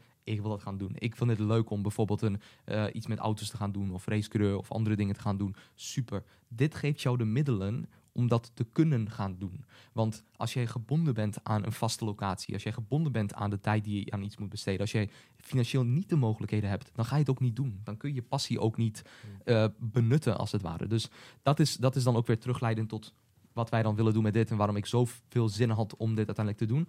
Wij zijn van nature wat meer introverted, ben ik Ja. heel eerlijk. En mensen zouden denken dat ik extrovert ben. Ik krijg het vaak te horen. Oh, Stefan, ik dacht dat je extrovert was. Dat Ben ik niet. heb ik ook heel vaak gekregen van, ik, ben, ik kan heel veel praten als, als ik een persoon zie of ik moet, ja, tenminste voor mij is van, ik zie een persoon en ja, ik moet praten, dan praat ik ook gewoon gerust, weet je. Ja. Dus heel veel mensen denken van, je bent echt extrovert, al Jan zaak, maar werkelijk ben ik ook echt introvert, weet je. Ik wil liefst gewoon thuis zitten, gewoon werken of gewoon kantoor zitten of werken, weet je. Dat vind ik leuk, gewoon boem, werken, focus, that's it wel. Dus Ja, en dus, dus va- vandaar dat het ook ook voor ons is van... Ben, ben jij iemand die iets meer introvert of extrovert is? Maakt niet uit van alle, alle maten, groottes, noem het maar op. Iedereen kan zijn potentie waarmaken, zolang je daar gewoon met je mindset bewust van bent. En dat vinden we gewoon heel belangrijk om naar voren te brengen. Dus kortom, hoe zijn wij dan gekomen tot onze passie, markt en skills uitoefenen op, op bijvoorbeeld ondernemen? Want dat is de kant die wij, waar wij naartoe zijn gegaan. Niet zozeer de, het leven van we werken een 9 tot 5 of een 9 tot 6 of noem het maar op. Maar hoe zijn wij dan tot dat ondernemen gekomen? Nou, dat brengt mij eigenlijk terug op het verhaal van, het, van de HBO. mm, We hadden de middelbare school afgemaakt. Kaho had zijn eh, MBO-opleiding gedaan, begon met zijn HBO-opleiding. En ik was toen bezig met mijn tweede, derde jaar van sportkunde, die ik deed aan het eh Windesheim in Zwolle. En vanuit daar besefte ik eigenlijk van, oké, in mijn tweede jaar van, hé hey man, ik zeg je eerlijk, ik zie mezelf niet, ik zie mezelf niet werken voor een baas. Ik, ik, ik, ik, ik Ja. weet niet, man. Als, als ik dat ga doen, dan denk ik dat ik gewoon depressief ga worden. Ehm, en ik, ik wil niet depressief worden. Van voor die Ik ook wel. 2.500 euro, 3.000 euro per maand. Leuk. Dan verdien ik liever misschien de eerste paar jaar wat minder met mijn eigen onderneming. Dan dat ik mezelf in die positie ga zetten dat ik gewoon iets niet leuk vind om te doen. En daar ben ik altijd wel van mening van. Ik denk ook later als ik kinderen heb dat ik zou zeggen van... hey, doe iets wat je leuk vindt om te doen. Maar zorg er wel voor dat je in de tussentijd wel iets hebt om dan te kunnen overleven. Dus ik had dan bijvoorbeeld... Ik werkte als schoonmaker. Hè, en vanuit daar, Kaho werkt als, eh, in de Albert Heijn. Als eh, volgens mij vakvuller. Ja. En dus daar hadden we wel die bijbaantjes die we, die we hadden. Maar Mm. vanuit daar hadden we zoiets van, oké, we willen meer doen. En toen kwam het idee, omdat we mensen volgden... en we zullen soms een beetje met namen roepen. Dus als jullie niet weten wie dat zijn... eh, ja, bear with us. Want wat, wat ik al zei, we moeten soms ook even nadenken van... oké, kennen jullie die mensen? ja. Chr- Christian Guzman is één persoon die de eigenaar is van Elfelied. Als je Gymshark kent, dan is Elfelied eigenlijk gewoon een directe conculega eigenlijk van Gymshark... die rond dezelfde tijd was begonnen. Mm. Hij was zelf ook een atleet van Gymshark en wij vonden hem heel erg inspirerend, omdat hij zelf ook als meer introverte persoon eigenlijk een hele business had opgebouwd, die nu trouwens honderden miljoenen waard is. Mm. Ehm, dus Christian Guzman was één inspiratie, die volgden we heel veel eh, met zijn journey en hoe hij dat deed. Hele goede marketer trouwens, hele goede storytelling. En Yoon Olsen. Yoon Olsen was dan een Zweedse ja, vlogger als het ware, een skier die uiteindelijk vlogger werd, die ons ook enorm veel inspireerde en waar we eigenlijk gewoon meer keken naar hem van, oh wauw, hij heeft eigenlijk het complete plaatje. Hij heeft niet alleen zichzelf goed neergezet, maar zijn familie goed neergezet. En vanuit daar eigenlijk gewoon zichzelf ontwikkeld tot een persoon waarbij hij een huis in Marbella heeft, een RS6 heeft, Mm. het dikke, weet je, van alle dingen, eh, hoe, hoe en wat. En dat inspireerde ons heel veel om uiteindelijk te zeggen van, weet je wat, wij gaan ons eigen kledingbedrijf starten. En dat is een beetje hoe Humble, Humble Lifestyle Apparel eigenlijk als het ware begon. Dat was nu 2016, 2017 dat we zoiets dachten van, Ja, zoiets. ja, we gaan ja. Humble starten. Weet je nog hoe Humble startte, hoe we, hoe we tot de naam kwamen van Humble, weet je dat nog? Nee, ik ben helemaal vergeten. Wat, tenminste, om- Kendrick Lamar. Oh ja, correct. Oh, ja, klopt, ja, klopt, ja. Maar ook, om niet aan dam, ook gewoon dat wij echt humble zijn, weet je. Dat is ook wie we zijn eigenlijk. Precies. Ja. Ja, dus, dus echt bescheidenheid stond voorop. En Kendrick Lamar dropte toen zijn album en zijn liedje van... van eh, sit down, be humble, sit down, be humble. En ja, sit down, be humble. dat, wil- dat wil ik, dat wil ik. Dus Oké, top man, dat gaan we doen. Dat gaan we inzetten. Ja. Dat wordt onze naam, humble. Want we vinden onszelf wel bescheiden. Wij zijn niet de personen die altijd gaan eh, flexen of andere dingen gaan doen en dat soort dingen. Dus wij zijn heel erg realistisch, maar ook bescheiden in die zin dat we wat we naar voren brengen ook daadwerkelijk gewoon iets is wat we hoeven niet te flashen, weet je. We willen niet flashy zijn met de dingen die we aan het doen zijn. En daar zijn we gewoon iets voorzichtiger mee van... we houden het liever tot onszelf. Mm. Hè, het is meer eigenlijk de, de soort van 70s, 80s, 90s maffia geïnspireerde manier van zaken doen en business doen. Liever eigenlijk voor jezelf houden dan dat je alles gaat vertellen aan iedereen. Dat iedereen weet wat je precies aan het doen bent. Dat is niet omdat we illegale dingen doen. Dat is meer omdat we gewoon dingen doen waarvan we denken van... hé, hey, dit is onze focus. En we werken liever de, de hele dag dan dat we erover gaan praten. Ehm, ja, leuk. We hebben nu een podcast en nu praten we erover. Dus dat klinkt een beetje hypocriet. Maar we vinden het wel leuk om alsnog wel onze verhalen te delen... nu we al wat ervaring hebben uh, na die onderneming te hebben gehad. Terugkomend op Humble. We begonnen dus met dat kledingbedrijf en we wisten helemaal niks van business. Nee. We wisten, wisten niet hoe we inkoop moesten doen, we wisten niet hoe we verkoop moesten doen, we wisten niet hoe we marketing moesten doen, we wisten niet hoe we Boekhouding. boekhouding hoe moesten doen. Boekhouding was verschrikkelijk. Ik heb dat nu nog steeds met mijn belastingadviseur, dat hij zegt van, hey Ja. Stefan, je hebt toen deze dingen gedaan, heb je daar nog de dingen van? Ik van, nee man, ik kan nergens vinden, weet je, nergens Ja. Hm. Dus Kou en ik begonnen toen een vennootschap. En eh, deden dat toen samen. Hm. Gingen van, al- althans eerst een eenmanszaak, daarna een vennootschap. Gingen we dat samen doen. En ik herinner me nog, en dat is een leuk, leuk verhaal, dus die wil ik, wil ik vertellen. Ehm, wij wisten dus niet dat we gewoon inkoop konden doen online. En we snapten het concept van dropshippen ook niet, want dat was toen echt up and coming in 2016, 2017. In Amerika was het er al wel een beetje, maar niet Mm. zoals dat nu bekend is, zeg maar in 2023. En wij gingen toen dus naar een producent van onze kleding. Mm. En die woonde echt gewoon op, laten we zeggen, een uur afstand van ons met de auto. En wat wij deden, was, wij waren zo slim om te zeggen van, hey, weet je wat man? We, we, we gaan gewoon lekker fietsen naar die persoon. dus wij gingen fietsen naar die persoon. En de eerste keer dat we gingen fietsen naar hem, duurde het anderhalf uur of twee uur om te fietsen naar hem. Toen kwamen we daar aan en hadden we al die kleding gecheckt en alle dingen gecheckt. Naar een hele grote printer en andere dingen voor kleding. En de kleding was best wel goed. Ik bedoel, we hebben nog steeds het materiaal. Ik ben trouwens vergeten Oh ja, om vergeet Humble iets cap, mee te eh, nemen. Ja, maar misschien dat we dat volgende plaatje. keer doen. Ja, misschien een plaatje die je plaatje kunnen- misschien kunnen hier ergens, dat we dat erin kunnen doen. En wij gingen dus fietsen naar hem. En Jeroen was zijn naam. Ik, ik Ja, Jeroen. Jeroen zijn naam was. Ja. En Jeroen was, eh, was een held trouwens. Echt, eh, Jeroen, als je dit kijkt, thanks voor alle input die je aan ons hebt gegeven. En je bent echt een topper. En moet binnenkort we- wellicht conne- connecten of misschien voor de podcast. Ja, Niet of podcast. podcast. Jeroen bij de podcast. Maar hij was, ehm, hij was de persoon die eigenlijk alles produceerde voor ons. En alles eh, had neergezet voor ons wat betreft de kleding, de petten, de andere dingen. En toen fietsten we dus weer terug. Dus we hadden eigenlijk gewoon drie uur besteed. Iedere keer om te fietsen naar Jeroen. Ehm, en gewoon super inefficiënt alle dingen te doen. Dus eigenlijk alles stond in centraal voor ons voor inefficiëntie. We waren gewoon inefficiënt bezig, want we wisten niet wat we moesten doen. We hadden niemand om ons te begeleiden. Eigenlijk alleen Christian Guzman, waar we naar opkeken van... oh, hij doet het zo, dus laten wij dat repliceren voor onszelf... en Mm. op hoop van zegen dat het gewoon gaat werken. En we hadden wel wat verkopen gedaan, want Mhm. we zaten toen in de fitness space. Ja, klopt. En Kao deed toen heel veel editing en video's Mhm. maken en noem het maar op. En dat was dat gewoon super goed en dat was gewoon zijn ding. Ik was dan net als, ja, voortaan de, tegenwoordig de, de prater. Ja. De persoon die voor de camera staat en de dingen vertelt en noem het maar op. Mm. Dus dat werkte gewoon, toen eigenlijk al, werkte dat al heel goed. Alleen we hadden niet een daadwerkelijke business gevonden Mm. Om dat in door te kunnen zetten. En het was dus heel erg zoekende, want we wisten wel van, oh, we vinden het wel, wel leuk om met kleding te doen. Mm. Maar we wisten niet van, oké, waar willen we dan, waar willen we dan naartoe gaan, weet je? Van, Ja. Eh, Er wa- was niet echt een soort van lange termijn visie van wat we met de br- brand willen doen. Nee, is gewoon van, oké, wat kunnen we short term doen of op korte termijn doen? Van hoe kun je dat nou, ja, booming maken? Alleen wat we niet beseften is gewoon dat Christian Guzman had wel 100.000 volgers, weet je, of 100.000 100.000 subscribers op YouTube. We hadden gewoon nul bijna, of 20.000 voor de... Oh, Ja. ja. We, we deden toen nog gaming video's volgens mij, was nog een beetje mensen, maar het was niet zo lang, het was niet zoveel als Christian Guzman. Dus dat is een hele grote factor waar we door ja, niet echt heel veel succes mee behalen. Dus ja. Ja, het was ook vooral vanuit de voetbal, want we voetbalden toen ook. Dus voor jullie beeldvorming, wij deden toen zoveel shit gewoon. Het is gewoon gestoord hoeveel shit wij deden. Wij, wij deden echt gewoon... We hadden dus een onderne we, we, we hadden dus de HBO-opleiding die we deden. Kaho was toen in het eerste jaar van HBO met ehm, media, media, wat was het? Kunsttechniek. Dat was Kunst en het. techniek was het. ja, ja. Nou, daar een hele opleiding voor, eh, voor gestart. Dan hadden we vanuit daar hadden we dus die onderneming gestart met Humble Lifestyle Apparel. Eh, ik begon toen ook nog met personal training geven, want ik ben een gecertificeerde personal trainer vanuit mijn eerste jaar geworden, vanuit die opleiding die ik deed. En toen was ik in mijn derde jaar, ging ik in een minor, minor ondernemen. En toen ik die minor ondernemen deed, toen pff, was, werd, kwam, ging alles open bij mij. Dat ik dacht van, oké, nu wil ik gaan ondernemen. Dit is wat ik wil gaan doen. En uiteindelijk de bacheloropleiding afgemaakt. Kaho besloot toen tijdens zijn eerste jaar om uiteindelijk te stoppen met de opleiding. Ja. Omdat we zoiets hadden van, weet je wat, we moeten wel ergens wat meer tijd vandaan gaan halen om dit te gaan laten groeien. Uh, maar onthoud wel, we werkten wel nog steeds. Mm. En heel veel mensen, wat de perceptie van mensen is van, oh, ik stop, ik sacrifice alles, ik offer alles op, om uiteindelijk te kunnen gaan werken aan mijn bedrijf. Terwijl het bedrijf tijd nodig heeft om op te bouwen.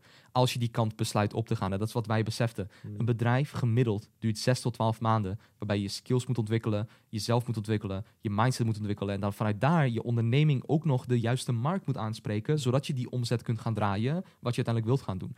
En bij Humble Lifestyle Apparel was het een hele goede idee. Alleen de markt zelf, er was niet veel vraag. Want iedereen deed dat bijna met kleding en andere dingen allemaal. Er was niet zoveel vraag. Dus het enige wat wij moesten doen, is onze, mar onze markt zoeken die daar wel interesse in zou hebben. Maar dat is nu terugkijkend wat we konden doen, maar dat deden we niet. Dus Kaho werkte, Ik werkte, wij hadden eigenlijk, laten we zeggen, wekelijks dat we 80, 90 uur werkten aan gewoon alles. Dus dan praat ik over school, werk, ondernemen eh, en alles, het complete plaatje eigenlijk eromheen. En dat was super inefficiënt. Dus terugkijken nu ben ik van mening van oké, we moeten focus hebben. Je, je moet Mm. focus hebben op de dingen die je aan het doen bent. Dus als je al een studie hebt en je bent ook nog aan het voetballen en je bent ook nog aan het trainen en je bent ook nog aan een onderneming aan het starten en je hebt ook nog een sociaal leven. Bro, uiteindelijk wat er dan zal gebeuren is als jij niet opoffert, zal jij de opoffering worden van de opoffering die je niet hebt gemaakt. Als je Mm. snapt wat ik bedoel. Dus dat gezegd hebbende, je moet ergens je tijd vandaan vissen, want je kan niet alles doen. En dat is iets wat, eh, wat wij toen ook beseften van oké, weet je, we, we, we begonnen wel te groeien met die onderneming. We hadden toen wel uiteindelijk die, die Humble Lifestyle Apparel. Maar ja, ehm, ja wat, wat, is jouw kijk op Humble Lifestyle Apparel? Van, van, van, is het een, was het een, van, wat vind je er in het algemeen van? van is het, van als ik er terug naar kijk, dan denk ik van, het was een leuke opstap om te leren hoe je moet ondernemen. En Mm. ik denk dat als we het niet hadden gedaan, we ook niet vandaag hier zouden zitten. Ja. Maar ik, ik kijk er wel naar terug dat ik denk van oké, hadden we maar iemand gevonden die het al had gedaan. Hadden we maar meer geluisterd en niet eigenwijs geweest van oké, we zoeken het zelf wel uit en we proberen het. We gaan op onze bek en we gaan anderhalf uur fietsen naar Jeroen. Ja. Anderhalf uur terug, weet je. Maar wat is jouw blik daarop? man? Nou, ten eerste, ik heb nooit echt spijt gehad van wat de, de dingen die gebeuren toen. Want dat heeft wel ons wel ja, gevormd wie we nu zijn eigenlijk. Van wat we geleerd hebben en wat we nu met de ondernemer zijn bezig. Met de agency en met de voor succes educatiebedrijf. Dus eigenlijk heb ik niet echt spijt van. Maar er was wel heel veel ja, fouten maken op dat gebied. Eh, zoals je net zei, we moesten fietsen, wat niet efficiënt was. We konden beter eigenlijk gewoon, we konden beter gewoon, eh, niet uit dat, maar ook gewoon de shirts kochten in Nederland eigenlijk in. En dat kostte wel wat geld, weet je. Dat is ook Ja, dat is ook dat is veel te duur. Dus dom. beter uit China halen, weet je. Dus en we waren toen introvert, we waren nog een beetje bang, weet je, om risico's te nemen. Eigenlijk was dat eigenlijk al best risico, maar een shirt halen uit China, dat is ook nog goed risico. Want eh, soms hoor je verhalen dat mensen gescand worden, weet je, dat mensen niet de shirt krijgen of de kwaliteit is niet goed, al die andere zaken. Uh, dus dat was ja, heel veel dingen die gedaan moesten worden. We moesten inkoop doen, we moesten marketing doen. En we wisten geen meer hoe, hoe, hoe, we- hoe we marketing moesten doen. We dachten van, oh, moeten we dingen posten op Instagram, weet je. Dat, ja. dat hielp heel veel. Maar ik denk de grootste, ja, de sales die het meest kwam, was vooral vanuit, ehm, ja, vooral vanuit die eh, fit, eh, fitgroep waar we toen eh, Mm. Onderdeel Mm. waren. Dus vooral echt fitness, want onze brand was meer gericht op fitness dan echt over Mm. random iets, weet je wel. Dus, eh, dus dat had wel eh, heel veel opgeleverd qua dat. En niet aan dat, maar het geldt ook door middel van een brand of door middel van Humble Lifestyle Apparel hebben we ook connectie kunnen maken eh, met mensen die, die ja, tenminste één daarvan, waar nu nog steeds goede vrienden mee zijn. Ehm, dus het heeft wel überhaupt iets van opgeleerd, weet je, qua vriendschappen, qua weet je, relaties. En ook de, de, de lessen die we dan geleerd hebben vanuit daar hebben we ook weer toegepast binnen ons, weet je, binnen For Success Services, binnen For Success, weet je, gewoon alles daar weer. Ja. Dus eigenlijk vind het, ja, niet, het was gewoon, het was gewoon leuk, weet je. Dus gewoon even, jo- we waren heel jong, 19, 20 volgens mij richting. ja. We hadden heel veel energie, we konden heel veel dingen doen. En om heel terug te komen op het punt, want, eh, want we waren toen jong, weet je. En voor ook mensen die te kijken, weet je, van als jij 19 bent, 16 bent, 15 bent, 17, 18, weet ik veel, 22 bent, echt richting. Dus in de jongere 18, weet je, of 20-jarige leeftijden. Je hebt zoveel energie. Dat, dat, dat, ik merk nu al van, ik ben nu 26, want heel veel mensen denken van, oh, je bent jong, weet je. Maar ik voel nu al dat, dat ik minder energie heb dan Ja. dat ik 20 was, weet je, als voorbeeld. Het zijn nou opa's. Ik zeg oude opa's. Ik zeg heel vaak, ik ben oude opa geworden, eh samen met Stefan. Maar eh, dus dat is dat. Dus als jij zo jong bent, wat heel veel jongeren gaan doen, ze gaan meteen al feesten en dat soort dingen. Ik, zo, zo was het niet eens. Want ik had wel gefeest, een beetje in de HBO, was heel kort, was niet heel lang. Maar om terug te komen, 18, toen ik 18 was, 19, gamede ik heel veel, dat is het ding. Maar ik werkte ook heel veel. Tenminste, ik werkte ook harder eigenlijk dan, dan Ja. ooit ervoor. En toen ik Albert Heijn werkte, ook van, ik werkte alleen maar hard, hard, weet je. Dat, dat, dat, omdat ik heel veel energie had om te gaan werken. En nu met, wat waarschijnlijk nu in de volgende topic gaan komen, van toen we onze agency starten, we hadden zoveel energie. We hadden echt Ja. zoveel energie om te gaan werken. En als ik nu kijk, dat we nu twee business hebben van, ik heb het gevoel dat ik minder energie heb, Ja. dan, dan Ja. toen ik jong was. Dus, eh, maar misschien heb jij ook eh echt Ja, nee, vooral de. Kijk, op, om dat, dat hoofdstuk even af te sluiten wat betreft handbal. Kijk, we hebben er natuurlijk heel veel van geleerd. En ik denk dat, als wat ik al zei, als we dat niet hadden gedaan, we niet vandaag hier zouden staan en zitten waar we nu zitten. Ja. Van los van wat, wat je doet, wij hebben tenminste wel, en of, of het goed ging of niet goed ging. Wij woonden nog bij ons, onze ouders, dus we konden eigenlijk gewoon risico's nemen en gewoon doen wat we, wat we willen doen. We konden dingen gewoon proberen, we konden dingen gewoon testen. En ik denk dat daar heel veel mensen, want er is een bepaalde cognitieve vooroordeel. En, en dat bij mensen, en dat, is dat, dat jij liever in je comfortzone blijft dan dat jij iets gaat doen wat onbekend is, wat je wellicht kan verbeteren. Dus we behouden liever eigenlijk alles wat we aan het doen zijn, dan dat we iets nieuws gaan proberen uit onze comfortzone. Dat heet ook wel risk-aversie, risk-aversie bias. En die bias is zo ingesteld in ons brein, omdat als wij iets willen gaan doen wat angstig kan zijn voor ons, wat we niet gewend zijn om te doen, dan krijgen we de fight or flight of freeze, eh, zeg maar, triggerpunt vanuit onze brein. Een van onze breinzaken, en ik ga nu niet te veel op, uh, op cognitieve zaken inzetten, want anders ja, dan kan, kan je de hele dag over praten. Kou weet dat wel. ja. uh, je, je, hebt een amygdala. Amygdala is een onderdeel van jouw brein en die wordt specifiek gestimuleerd als jij dus een daadwerkelijke. Uh, die, die, die is eigenlijk hier om ons te beschermen. Ons hele lichaam, ons hele systeem is gecreëerd om ons te beschermen. Waarom? Omdat vanuit de Neandertaler dagen, vanuit de oertijden in die zin, wij zijn eigenlijk zo opgesteld dat wij onszelf moeten beschermen tegen leeuwen, tegen weet ik veel andere, weet je, andere zaken die in de natuur voorbij komen. En tegenwoordig hebben we dat niet. Maar we hebben nog steeds wel die amygdala. Die Hmm. is gewoon nog steeds hetzelfde gebleven. En wat heel veel mensen hebben, wat wij een beetje hadden, is dat we angst hadden om eigenlijk iets nieuws te proberen of uit onze comfortzone te gaan. Uh, net zoals deze podcast. Van dit was eerst in instantie van, oh, we moeten een podcast gaan maken. Van, willen we dat gaan doen? Geen zin. Van, oh, we moeten helemaal dit doen, dat doen, dit voorbereiden, dit neerzetten. Dus zo van. En toen dacht ik van, oké, okay, maar dit is gewoon de fight or flight die gewoon aan het praten is. Van, laten we het gewoon proberen. Van, laten we gewoon de eerste, eerste episode even uh, doen. Trouwens, ook als je het tot zover leuk vindt, like deze video. Reageer in de comments hieronder als je dit op YouTube kijkt, wat je van deze podcast vindt en wat voor topics je zou willen zien of wat voor mensen je zou willen zien. En dan kunnen we dat zeker gaan doen. Dus we hebben ook jullie input nodig. Dit is niet zozeer onze podcast, het is ook jullie podcast. Dus mm. we willen jullie erbij betrekken en jullie hier ook, uh, ja, ook in meenemen in die zin. Maar terugkomt bij mijn verhaal, die fight or flight is bij heel veel mensen actief. En wij hadden dat ook toen we een onderneming hadden, maar we, doorbraken dat wel doordat wij als het ware gewoon die eerste stap hadden gezet. En of dat nou een succes werd of geen succes, het boeit niet. We hebben onze ervaringen daarmee ontwikkeld. Wij weten nu, wij kunnen nu terugpraten en zeggen van... hé hey bro, we hebben, we hebben die dingen hebben we gewoon meegemaakt. Mm. En, en het mooiste wat er is, is als je dingen meemaakt in het leven... en als je niet alleen maar zit en in je comfortzone blijft. Want wat voor dingen heb je dan om over te praten? Wat, wat is een leven geleid zonder risico's te nemen? Mm. Van je moet risico's nemen. En er is altijd een win of een verlies. Bij ons was dat dan oké, okay, we hebben niet miljoenen meegemaakt. Maar het is, was wel de opstap om uiteindelijk miljoenen te kunnen gaan maken. Als het ware, als je snapt wat ik bedoel. Dus ik vind Humble een, um, een, hele mooie iets als ik er naar terugkijk, man. Ja, maar ook even terug te gaan naar het topic van de uh, fight, of, the fight of flight modus. Van, dat is ook vanuit de kind af aan eigenlijk al geprogrammeerd. Dat, als ik naar mezelf kijk, waarschijnlijk niet bij jou hetzelfde is hoor. Maar mijn ouders is altijd heel voorzichtig geweest. Heel voorzichtig, nou, oh, niet doen, weet je. Van, pas op. En dan zei, dat was vooral bij mijn, moeder dan, als voorbeeld. Ik hou van haar, weet je. Ik hou van mijn moeder. Uh, mijn moeder houdt me dan soms tegen, onbewust, weet je. Van, zij vindt dan, oh, niet doen, weet je. Dit, dit, dit gaat dan dit gebeuren. En dan heb je dat in mijn brein zitten, weet je. En dan van, oh, mijn moeder heeft dit gezegd. Ik moet dat niet doen, weet je.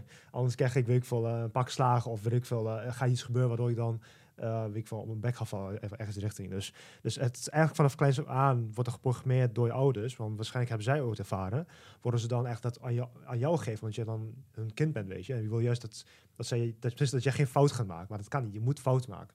Dus, um, dus dat heeft ook wel heel veel impact op dat we heel soms beetje in de comfortzone blijven en dat gewoon niet de risico's willen nemen eigenlijk. Want we weten in onze brein van oké, dit gaat dit gebeuren, maar terwijl het niet gebeurd is eigenlijk. Dus, uh, ja, bij mij kwamen ze met de slippen, man. Uh, jij wilt niet, jij moet, uh, ga naar school. ja, ja. Van, je moet dokter worden, ja, ja, moet anders worden. ja, maar dat, dat had ik wel, man. Van, ik had uh, dat al sinds kleins aan, toen ik in de basisschool zat, uh, met rekenen. Ik was echt slecht met rekenen. Van, heel, veel, heel veel mensen denken van, de Chinezen heel goed in rekenen.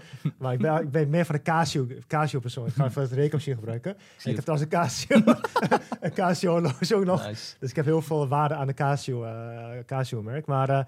Maar ik wist nog dat ik um, moest rekenen, weet je. Ik moest rekenen en ik, ik, iets, ik deed iets fout en mijn, mijn moeder sloeg in mijn hoofd. Gewoon echt heel hard, weet je. En dat, dat zit nog steeds in mijn brein. Van dat heeft mij heel veel, ja, ik moet zeggen trauma voor. Een klein beetje trauma. Uh, van oké, okay, als ik dit doe, dan, dan gaat ze me smekken, weet je.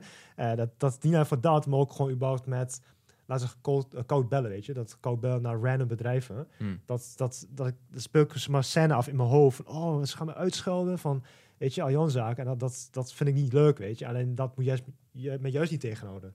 En ik dat heel veel mensen dat ook hebben, die introvert zijn of mensen die gewoon ook ooit dit soort dingen hebben meegemaakt, waardoor ze dan dit ja, eigenlijk gewoon meenemen als een, als een, als een tas met een bedrijf of, of met een carrière of, of iets anders eigenlijk. Dus uh, ook voor mijn relatie ook hetzelfde eigenlijk. De ja, traumas, hetzelfde. De traumas die ze dan hebben, die gaan ze meenemen in de volgende relatie. Dus ja, het is ook, ook belangrijk om de trauma te verwerken, maar dat, ja, dat proces ik nog, ja, moet nog doormaken. Tenminste, moet nog, ik ben nog steeds mee bezig om dat te doen. Ja, dat is, een, dat is een ongoing proces, weet je. Van, dat is een ongoing iets. Maar ik ben, dat is voor jullie ook van... weet je, neem het risico, man. Vooral als je nog onder de, laten we zeggen, 25 bent. Want tegenwoordig, mensen blijven tot hun 30ste, 35ste bij hun ouders wonen vanwege de hele huizenmarkt. Omdat ze geen huis kunnen vinden. Blijf gewoon bij je ouders, weet je, van wonen in die zin. Als je dat, die leeftijd nog bent.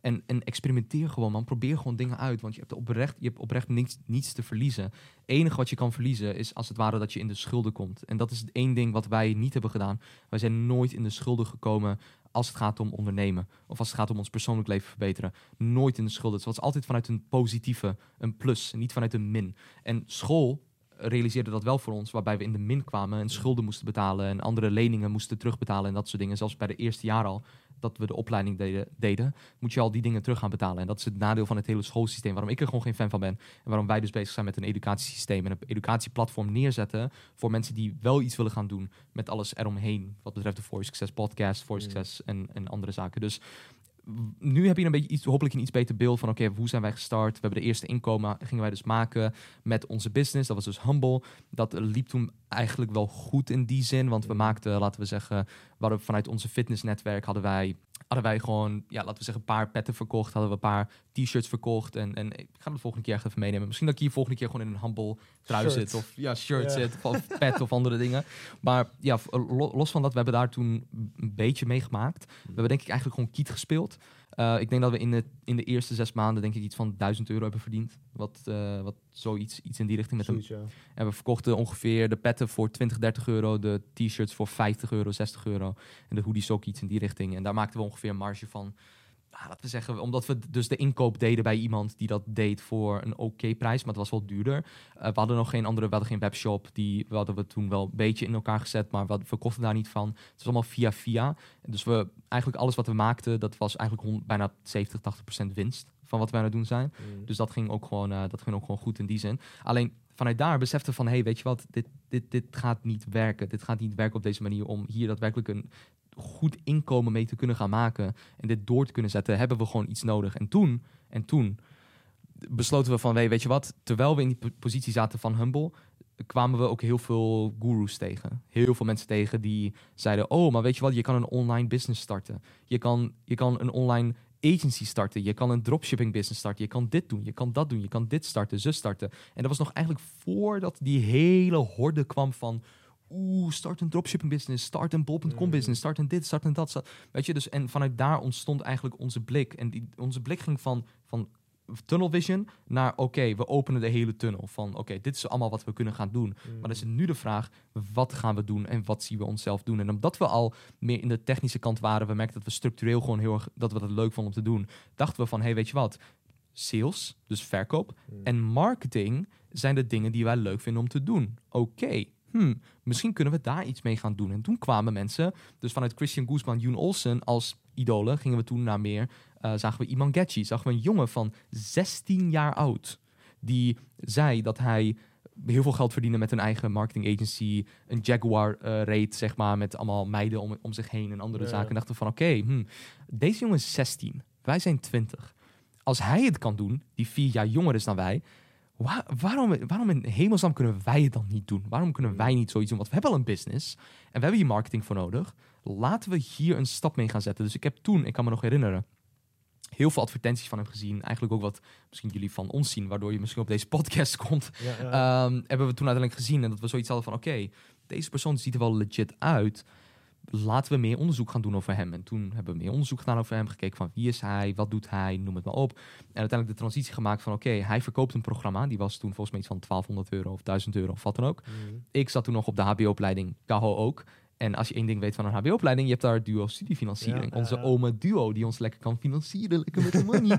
dus vanuit toen zeiden we van, hey, weet je wat, oma Duo, we pakken dat geld en we hebben 1000 euro nog even aan de kant liggen van Ome Duo. We stoppen het allemaal gewoon terug in dat programma. En ik heb dat toen neergezet. Ik heb toen tegen mijn moeder gezegd van... er zal een dag komen, ik weet niet wanneer het is... maar over, over laten we zeggen vier, vijf jaar... dat jij niet één dag meer zult moeten werken. Geen één dag meer. En toen, zei, toen ik dat zei tegen zij van... Ah, eh, ja, Grapjas. Laat maar zien, weet je. Laat maar zien van, oké, eh, weet je zeker dat dit een goede beslissing is? Ik van, ja, ik, ik denk dat dit wel de goede beslissing is. En toen zei ze van, oké, nou, als jij het doet, dan sta ik achter jou. En uh, hetzelfde geldt uh, geldt voor mijn, gold voor mijn vader. Die zei ook van oké, doe het, probeer het als je zeker van bent. Je hebt je onderzoek goed gedaan, probeer het. Stap gezet, mind blowing. Gewoon, ik dacht van oké, Het was eigenlijk ni- niets nieuws als ik er zo naar terugkeek. Van hoe start je een eigen agency en hoe doe je dat eigenlijk. Maar dat was wel de opstap voor ons in de hele online wereld. Een hele, onze hele mind ging gewoon open van oké, wat kunnen we hiermee bereiken? Mm. Wat kunnen we hiermee doen? En wat kunnen we hiermee neerzetten? En zo begonnen we eigenlijk hè, vanuit de ja, transitie van Humble. eh, en trouwens, we hadden Humble toen nog steeds. We hadden, we Mm. hadden Humble. We hadden dus een nieuw bedrijf die we eigenlijk wouden starten. was dus een marketing agency. In eerste instantie meer voor onszelf. Maar we beseften al heel gauw van... hey, waarom doen we dit niet voor andere klanten? En vanuit daar ging ik dus in tussentijds ook niet alleen mensen personal trainen... niet alleen als voetbaltrainer... maar ook ging ik bij een callcenter werken Mm. om daar mensen te kunnen bellen en gewoon outbound sales te kunnen doen. Terwijl Kaho nog actief was als vakkenvuller, was hij ook actief bij zijn HBO-opleiding, waar hij eh, eh, eh, kunst en techniek zeg maar deed. Mm. En, en ook was hij bezig met de onderneming en editen. Dus we werkten eigenlijk, hoeveel werkten we man? We werkten echt gewoon 80 uur per week of zo volgens mij man, toen. Alleen maar, maar ik werkte ook een avond alleen maar Albert Heijn vakvullen. Maar voor de rest middag was studie eigenlijk. Maar tegelijkertijd werkte ook een beetje aan de business, aan de Humble Lifestyle toen. En ook, ja, dat was meer beetje all over the place eigenlijk. Maar op een gegeven moment hadden we onze agency door middel van, dat is nu een ander verhaal, maar gaan we verder. Ja, dus dat, dat, was, dat was eigenlijk de transitie daar naartoe. Dus we werkten allebei 80, 90 uur per week. verdienden minimaal, maar we hadden onszelf zo ontwikkeld. Heel veel boeken gelezen, heel veel dingen geluisterd, heel veel dingen ontwikkeld gewoon in 2016, 2017. Totdat we op het punt kwamen in rond 2019 dat we zoiets hadden van, hey, weet je wat, we hebben nu de kennis bijgespijkerd vanuit onze eigen kledingbedrijf. Het is nu echt de tijd dat wij dit in gang gaan zetten en hiermee gaan beginnen. Dat was trouwens 2018. 2018 herinner ik me Mm. nog. 2018 zat ik nog op, de, op mijn opleiding, eh, derde, vierde jaar van mijn opleiding. En zei ik tegen een aantal eh, klasgenoten van, hey, weet je wat? Ik ga gewoon beginnen met een eigen, met een eigen business. Ik ga gewoon hiermee starten. En, en ik ga gewoon kijken waar het, waar het ons kan brengen. En vanuit daar waren we dus begonnen van, oké, een klasgenoot kwam er naar mij toe. Die zei van, hey, ik heb mensen die misschien jouw hulp nodig hebben. Of jullie hulp nodig hebben. Kan jij ze helpen met marketing? Dus ik als een leek, ik zo van, oké, weet je wat? Fuck it, let's do it. ik zo, ik probeer het gewoon. En Ja. vanuit daar heb ik eigenlijk de ehm, stap gezet dat hij mij connecte met hun. Dat was mijn eerste klant. En onze eerste klant in de zin van een e-commerce bedrijf. Hè, Pre- Predator Endurance. Die staat nog steeds nu online, dus die kun je ook gewoon checken. En die hadden wij benaderd. En ja, helemaal als een leek kwamen we naar hun toe. En hadden we gezegd van, oké, we hebben een script die we van iemand hadden gekregen. Dat script gingen we helemaal doornemen. En ik kan me nog herinneren dat we voor die wonings... of voor de, zeg maar, de, kan- het kantoor stonden van, van hun. En dat we zoiets zeiden van, hey, weet je wat, we gaan, we gaan dit allemaal uit ons hoofd leren en kijken van, oké, hoe, hoe zit het in elkaar? En we gaan daar gewoon pitchen op de dienst. En zij zeiden werkelijk tegen ons van, oké, ehm, nou ja, jongens, ik ken jullie. Ik weet wat jullie aan het doen zijn. En we hadden gewoon een hard pitch op haar gegooid van, oké, wil je met ons samenwerken? Eh, wil je beginnen met ons? Wil je, gewoon als de eerste afspraak die we ooit hebben gehad. En we hadden, dat, daadwerkelijk, dat werd een klant van ons voor 800 euro per maand. Eh, die ons betaalde dus 800 euro per maand en 200 euro in advertentiekosten. En dat was echt mindblowing voor ons. Dat was voor ons dat we dachten van oké, dit werkt. Dit, Ja. dit model werkt. We hebben nu al meer met één klant verdiend dan wat we hebben gemaakt in 6 tot 12 maanden met ons kledingbedrijf. En het is allemaal winst. En we, we hoeven niet inkoop te doen. We hoeven geen fancy webshop te hebben. We, hoeven- we hadden zelfs geen eens een website, volgens mij tot vijf klanten. En het, het is aan ons. Het is, het is een low risk, high reward. Het is niet wat we in het kledingbedrijf hadden, high risk, high reward. En dat is waar ik een fan van ben. Ik ben fan van low risk, high reward type of businesses. De reden waarom is omdat dat soort bedrijven veel makkelijker zijn, omdat je hoeft alleen maar je tijd in te steken.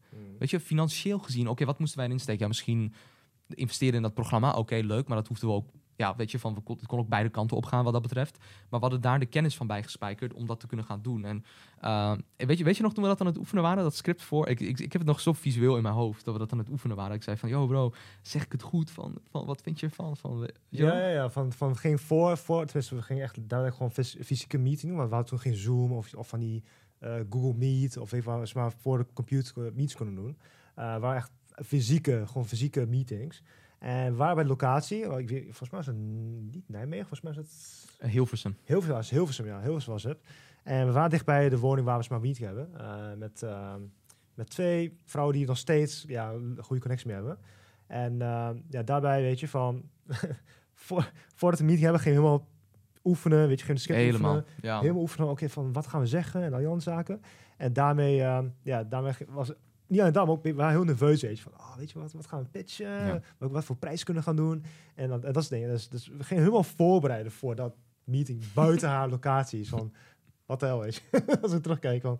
Dus dat. Trouwens, ga even snel even kijken of de camera nog loopt, want ik ben bang dat steeds... Ja, de kou is de, wat ik al zei, te- technische know-how, technische andere zaken om te checken of alles goed is. Maar ja, zo, zo begonnen we eigenlijk dus. Dus dat was eigenlijk gewoon de, de insteek dat we zoiets hadden van, eh, oké, hoe, hoe loopt het, hoe gaat het? En kunnen wij hier iets mee gaan doen? En kunnen wij dit gaan neerzetten voor onszelf, waarbij we uiteindelijk ook de stap hebben gezet van, oké, dit gaat werken, dit is iets wat we kunnen doorzetten. En toen hadden we hun dus als klant binnengehaald, gingen we foto's, video's maken voor hun en, en daar eigenlijk als dienst behouden. Die klant bleef uiteindelijk 24 maanden met ons.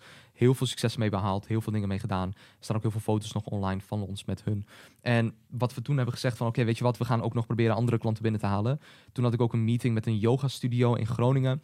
Die yoga studio ging ik toen een keer naar Groningen toe, ook super inefficiënt trouwens. Ik ging met de trein twee uur naar Groningen. Eh, om daar met haar te zitten en niet eens te weten of het, een, of het uiteindelijk een klant zou gaan worden. Uiteindelijk met haar gepraat en uiteindelijk met haar besproken van oké, weet je wat, wij kunnen deze dienst voor jou gaan doen. We gaan het gratis doen voor jou 30 dagen. Dus dan wouden we ook testen met hey, hoe doen we het als we direct iets ervoor vragen. Ook als we het bijvoorbeeld gratis doen. Gratis is uiteindelijk haar gepitcht. En ze zei van ja, doe het maar voor 30 dagen gratis.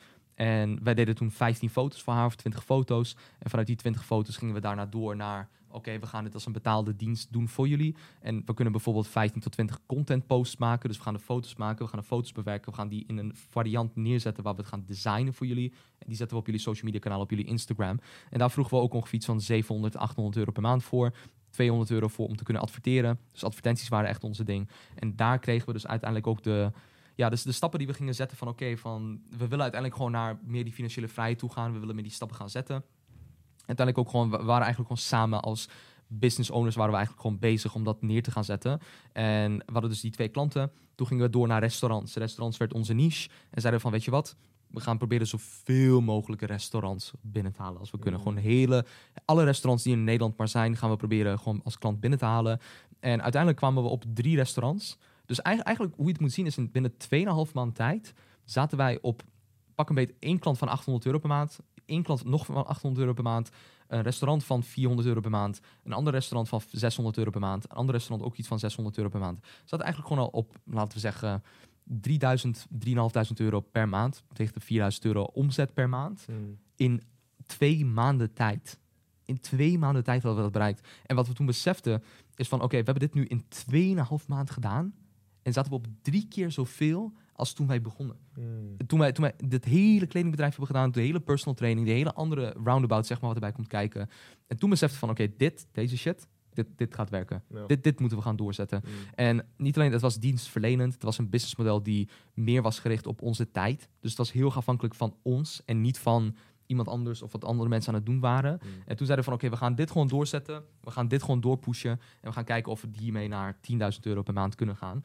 Terwijl we ook nog bezig waren met het bedrijf en, en met, met werken en met andere dingen. Mm. Maar volgens mij was dat het moment, dat we zeiden van... hé, hey, we maken dit nu. We stoppen gewoon met, we stoppen gewoon met werk. Ja. Dat, dat was toen het moment bij mij. Dat ik Dat- volgens mij deed, man. Dat was wel het moment. Of, eh, ik weet niet of zeker wat bij mij was, zo was. Volgens mij was dat ik HBO ging stoppen. Want we, volgens mij, nu de soort beetje aan het veranderen. Maar eh, volgens, mij dacht, volgens mij had ik toen mijn HBO-opleiding ge- eh, gestopt. En toen dacht ik, oké, fuck it, ik wil gewoon all in gaan met die energie. Want dat werkte, weet je. En ik wist dat ik met mijn moeder eh, ging praten over dat. Van ik wil stoppen met een HBO-opleiding. Gewoon, ook met mijn vader te- tegelijkertijd. Van ik wil gewoon stoppen met een HBO-opleiding. Ik wil gewoon volledig op business. Voor hun was van, gewoon shocking, weet je. Gewoon shocking van, oké, waarom, waarom wil je stoppen, weet je. Van, waarom, weet je. Dat is van, ja, maken wat geld met de, met de energie. Hmm. En eh, ik had het niet expliciet gezegd tegen hem, maar als van, ik wil gewoon meteen stoppen. Ik wil focus leggen, volledig op de energie, volledig op wat wij aan het doen zijn. En eh voor ons van, ja... En ik kan denken van, ja, weet je, van... Liefst dat je op school eh, blijft, weet je. Want bij hun is van school afmaken en, en de banen vinden. Want ze willen dat, dat ik geld verdien, weet je. Met, eh, op de safe manier, op de proven manier, wat heel veel mensen zeggen. Maar uh, tegelijkertijd, aan, de- aan, de, andere kant zegt ze van ja, weet je, doe je ding, maar we kunnen je niet forceren, weet je. Wat doe je ding? Want jij bent de persoon wat je wil doen, weet je. Jij Ja. bent de persoon die dan kan kiezen of je dit wil gaan doen. Dus eh, ja, aan de ene kant hebben ze gewoon toch ja, losgelaten. En gaven ze, gaven ze me gewoon genoeg tijd om dat te focussen. Ze gaven wel zo van, volgens mij een tijdlijn van wanneer het goed moet gaan en dat soort dingen. Dus ehm, ja, dus dat wel. Ja, ja dat, dat, dat, dat is ook wel mooi dat je dat vertelt. Want ouders die zijn, die snap, die, die zijn heel traditioneel ingesteld. Mm. Heel traditioneel ingesteld. En eh, dat zal sowieso een topic zijn waar we nog meer op in gaan duiken. Van hoe ga je dan om met ouders? Hoe doe je dat? Hoe, hoe deal je daarmee? Want wij hebben daar ook onze, onze dingen mee moeten doen. Maar ja, om dan terug te komen op de agency en, en hoe we dat dan hadden doorgezet. We zagen dat restaurants wel werkten. En toen waren we heel zoekende. We hadden toen e-commerce bedrijven geprobeerd uh, om hun te benaderen en daar advertenties voor te doen. Dus we gingen toen meer een shift vinden in 2018, 2019 van oké, we gaan foto's en video's maken naar Mm. we gaan advertenties draaien, omdat het gewoon veel meer resultaatgericht is. Mm. En toen begonnen we ook onze huidige klanten meer te richten van oké, we gaan ads voor jullie draaien. In plaats van dat we die foto's door gaan zetten voor jullie, willen we dus ads gaan draaien voor jullie. Daar eigenlijk een stap mee gaan zetten. En vanuit daar toen we dat ontwikkelden, was ik dus nog steeds callcenterwerk aan het doen. Kaho werkte ook nog steeds. Toen zeiden we, Kaho stop met de HBO-opleiding. Ik ga ook nog iets meer stoppen met bijvoorbeeld de, de callcenterzaken en dat soort dingen. En daarmee gewoon dingen te kunnen gaan doen. En wat we gaan doen, is we gaan ons gewoon focussen op één niche. Dus ik zei van, weet je wat? Wat is een niche waarbij ik bepaalde passie heb, maar waarbij ik ook, ook zie dat er vraag is vanuit de markt? En makelaar sprong toen direct uit naar mij. En, en dat was gewoon de, de niche waarvan ik dacht van, oké, weet je wat? Hier zit geld, niet alleen geld in, want vastgoed is, zit potentie in. Er zit, ook, eh, er zitten ook mensen in die gewoon willen investeren. Het zijn ondernemers. Het zijn echt gewoon verkopers in die zin. Ik heb net eh, verkoop gedaan, mezelf ontwikkeld. Dus ik denk dat we dit ook gewoon hierin kunnen gaan proberen. Uiteindelijk dat geprobeerd.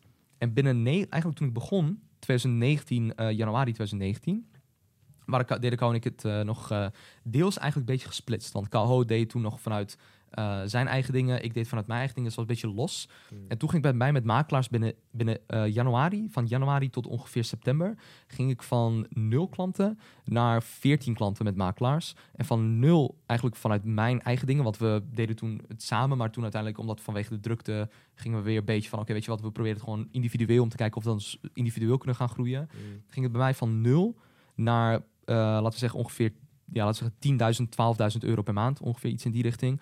Om dan uiteindelijk die stappen te kunnen gaan zetten en gewoon op mezelf eigenlijk die makelaars te kunnen helpen. Alle ads deed ik zelf, alle benaderingen deed ik zelf, alle, alles eromheen deed ik gewoon zelf in die zin. En vanuit KHO was het dan van oké, weet je wat bro, als dat zo goed gaat, waarom bundelen we onze krachten gewoon niet?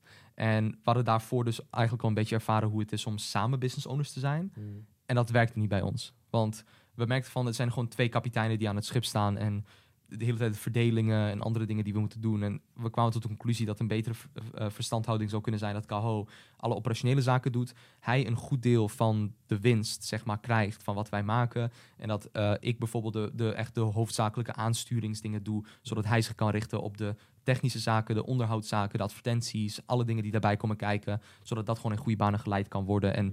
ja, uiteindelijk 12 klanten met makelaars binnen negen maanden. Eh, de niche waar we dus ook eh, op gefocust waren, eh, daar ehm, waren, we, waren we dus ook zeg maar op, op aan het focussen. En nou ja, toen zeiden we van oké, weet je wat, makelaars is gewoon een niche waarbij we wel een passie, passie voor hebben en waarbij we wel gewoon een ontwikkeling in willen gaan maken. Hier zien we ook wel de potentie in voor onszelf wat we kunnen gaan doen. Maar we hadden zoiets van oké, het werkt nu. We moeten meer tijd hebben om te kunnen stoppen in de agency. Dus KHO stopte met de opleiding. Ik stopte bij de callcenter. Mm. Uh, we stopten e- eigenlijk alle focus die we hadden op alle andere dingen, stopten we direct mee. Voetbal, ik was voetbaltrainer, stopte ik mee. Personal trainer, stopte ik mee. Uh, alle dingen eromheen stopten we mee. Waarom? Om full focus te houden op de agency. En ik denk dat dat ook uiteindelijk de reden was waarom we uiteindelijk ook een grotere groei hebben kunnen maken. Ja, en dus vanuit, vanuit daar waren we dus bezig met de agency en alles, alles liep gewoon goed. We hadden, we hadden dus 12 klanten, 13 klanten, we schaalden dat nog meer op. Besloten toen uiteindelijk om de verstandhouding zo neer te zetten waarbij ja, ik zeg maar gewoon het bedrijf heb. Kaho is dan zeg maar actief als, ja, als het ware als partner in die zin, waarbij hij een percentage van de winst krijgt natuurlijk. En als het bedrijf groeit, groeien wij met z'n tweeën gewoon mee. Dus dat was onze, eigenlijk onze, onze eerste opstap naar een serieus bedrijf en naar het ondernemersleven. Dus we hadden een passie gevonden in de zin van oké, marketing en sales. Dat vonden we gewoon heel leuk om te doen. Onze markt was dan voornamelijk makelaars. En onze skills die we hadden uh, ontwikkeld was Kaho vooral in de advertenties en de technische zaken. Ik vooral in de communicatie met klanten, de sales en de voorkant van het bedrijf en het runnen van het bedrijf en de teamleden inhuren. En mensen inhuren zodat we het konden schalen. Dus dat gezegd hebben, dat bracht ons eigenlijk gewoon vanuit daar op het punt dat we zoiets hadden van oké, nu is het moment dat wij misschien ook op onszelf willen gaan. En ik toen destijds met um, ja, de relatie waar ik in zat, besloot ik zeg maar om gewoon op mezelf te gaan wonen. En vanuit daar eigenlijk gewoon mijn eigen plek te gaan hebben.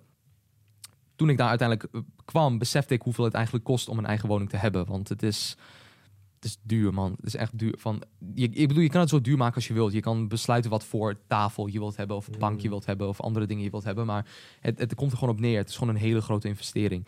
Dus terugkijken naar mijn situatie, was ik eigenlijk beter af om gewoon te blijven bij mijn situatie destijds. Met of mijn ouders of de dingen die ik daar aan het doen was. Want het leverde mij gewoon veel meer rust op in die zin. En veel meer gemak op eigenlijk om, om ervoor te zorgen dat die zaken die ik toen deed, door konden groeien en zich door konden ontwikkelen om uiteindelijk gewoon resultaten te behalen bij, bij thuis. Hè? Dus bij mijn eh, ouders in die zin, voordat ik op mezelf ging wonen. Maar toen gingen we op onszelf, op onszelf wonen.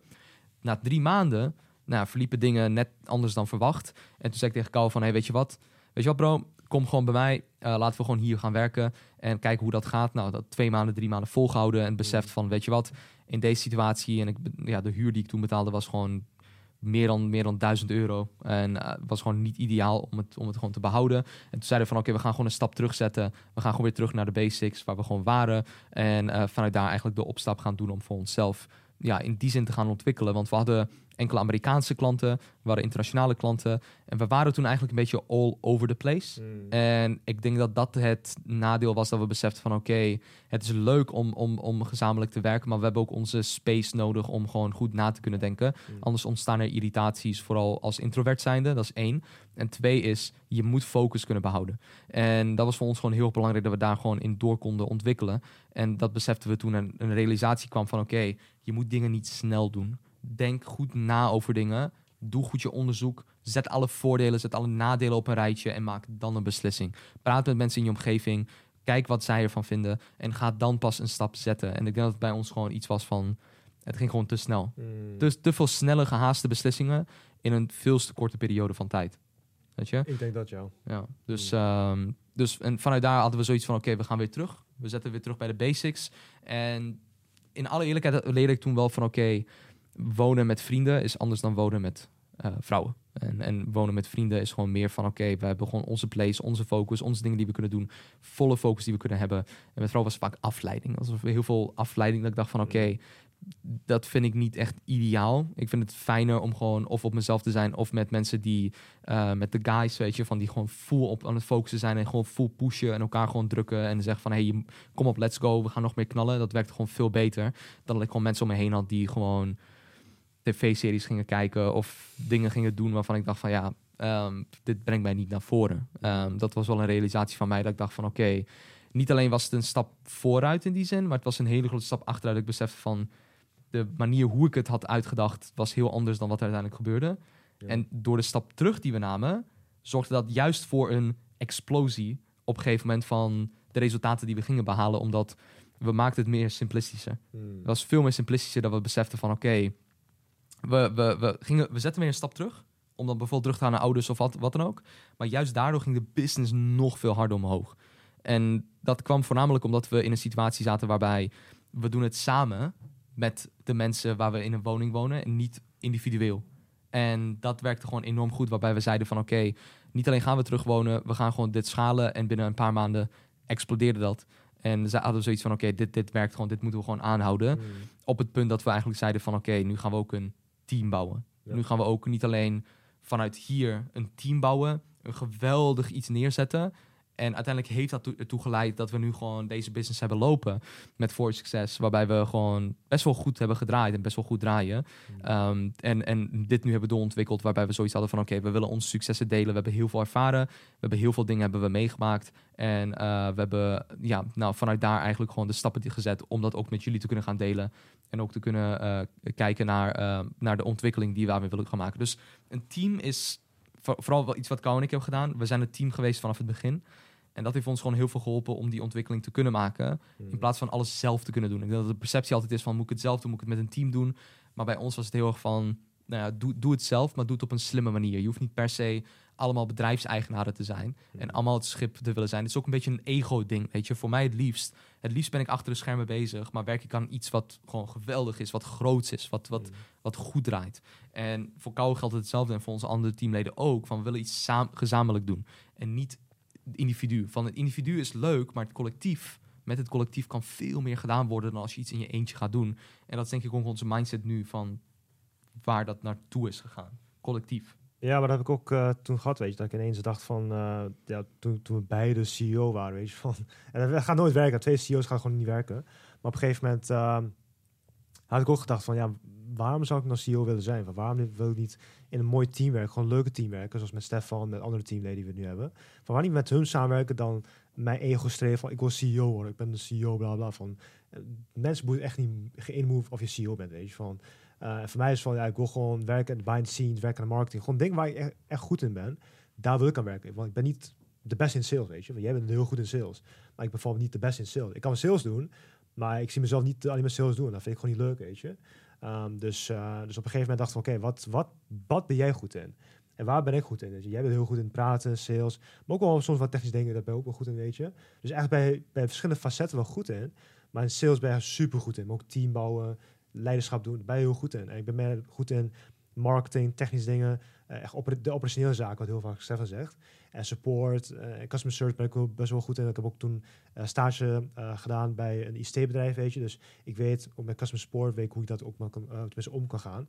Hoe we de klanten ook tevreden kunnen houden. Dus, dus dat heb ik dan heel veel ervaring mee. Dat vind ik ook leuk om te doen, weet je. Ja. Dus, um, dus daarbij bundelen eigenlijk al die krachten in één, in plaats dat ze tegen elkaar werken. Van, ik wil sales doen, jij wil sales doen, van, weet je, ja dat, dat, dat gaat niet werken. Dus, uh, dus dat. Nee, het is ook waar we nu afdelingen in gaan hebben. Dus we hebben bijvoorbeeld een afdeling van de operationele zaken, waaronder support komt en andere dingen. We hebben de marketingzaken, wat Kaho nu dan ook op zich heeft genomen. Dat is de, ik noem dat de Chief Marketing Officer. Dus gewoon de persoon die eigenlijk alle marketingtaken onder zich heeft. De podcast, de uh, editing hiervan, de editors, de, de thumbnails, de andere zaken, de ads die we aan het maken zijn. Dat is gewoon de marketingafdeling. En daar hebben we gewoon verschillende afdelingen voor. Net zoals een traditioneel bedrijf dat heet, heeft, hebben wij dat ook. En het is een gedecentraliseerd bedrijf. Want ik wil mij meer gaan focussen op de grotere dingen, de, de dingen, zo bijvoorbeeld het connecten met mensen met, die in ons netwerk zitten, daar samenwerkingen mee vinden, het product beter maken, de hele cohesie beter maken van het team en gewoon team bouwen. Terwijl Kaho zich kan focussen op de operationele zaken, de supportzaken, ook eh, bijvoorbeeld het team runnen in de toekomst, zodat ik me kan gaan focussen op andere dingen. En de marketingmensen, die focussen zich op de marketingdingen. Een salespersoon focust zich op de salesdingen en die heeft dan een heel tak daaronder als het ware. Dus dat werkt gewoon heel goed, omdat iedereen dan zijn specialisme naar voren kan brengen. En op die manier kun je gewoon met een lean team eigenlijk gewoon een lean team machine zijn, weet je. Gewoon, gewoon een machine zijn eigenlijk en dat gaan schalen. Mm. Want heel veel valkuilen zijn er als jij dingen gaat doen waar je gewoon niet goed in bent. Want je kan het wel ontwikkelen. Hoe, het misschien op een schaal van 1 tot 10. Ik op technische zaken was, was een 2. Ik heb het misschien ontwikkeld naar een 7. Maar waarom zou ik dat verder willen gaan ontwikkelen naar een 10? Terwijl Kou al een 9 is in dat. Van, en, en die 10 al bijna behaald. Van, hmm. dat gaat mij veel langer duren dan dat hij dat kan doorzetten. Hetzelfde geldt voor sales. Van iemand anders, ik, ik ben misschien een 9 in sales, maar iemand anders is misschien een 9,5 of een 10 in sales. Nou, dan zet ik die erop. En dan kan ik mijn focus op, op product. Dan kan ik van, vanuit product een 9,5 naar een 10 brengen. Hmm. Of mijn leiderschapskills van een 9,5 naar 10 brengen. Dat is hoe ik het zie in business. Iedereen heeft zijn skillniveau als het ware. Als we weer terugbrengen naar het gamen, helemaal aan het begin wat we zeiden. Van. Iedereen heeft een skillniveau. En die kun je gewoon ontwikkelen met meer XP.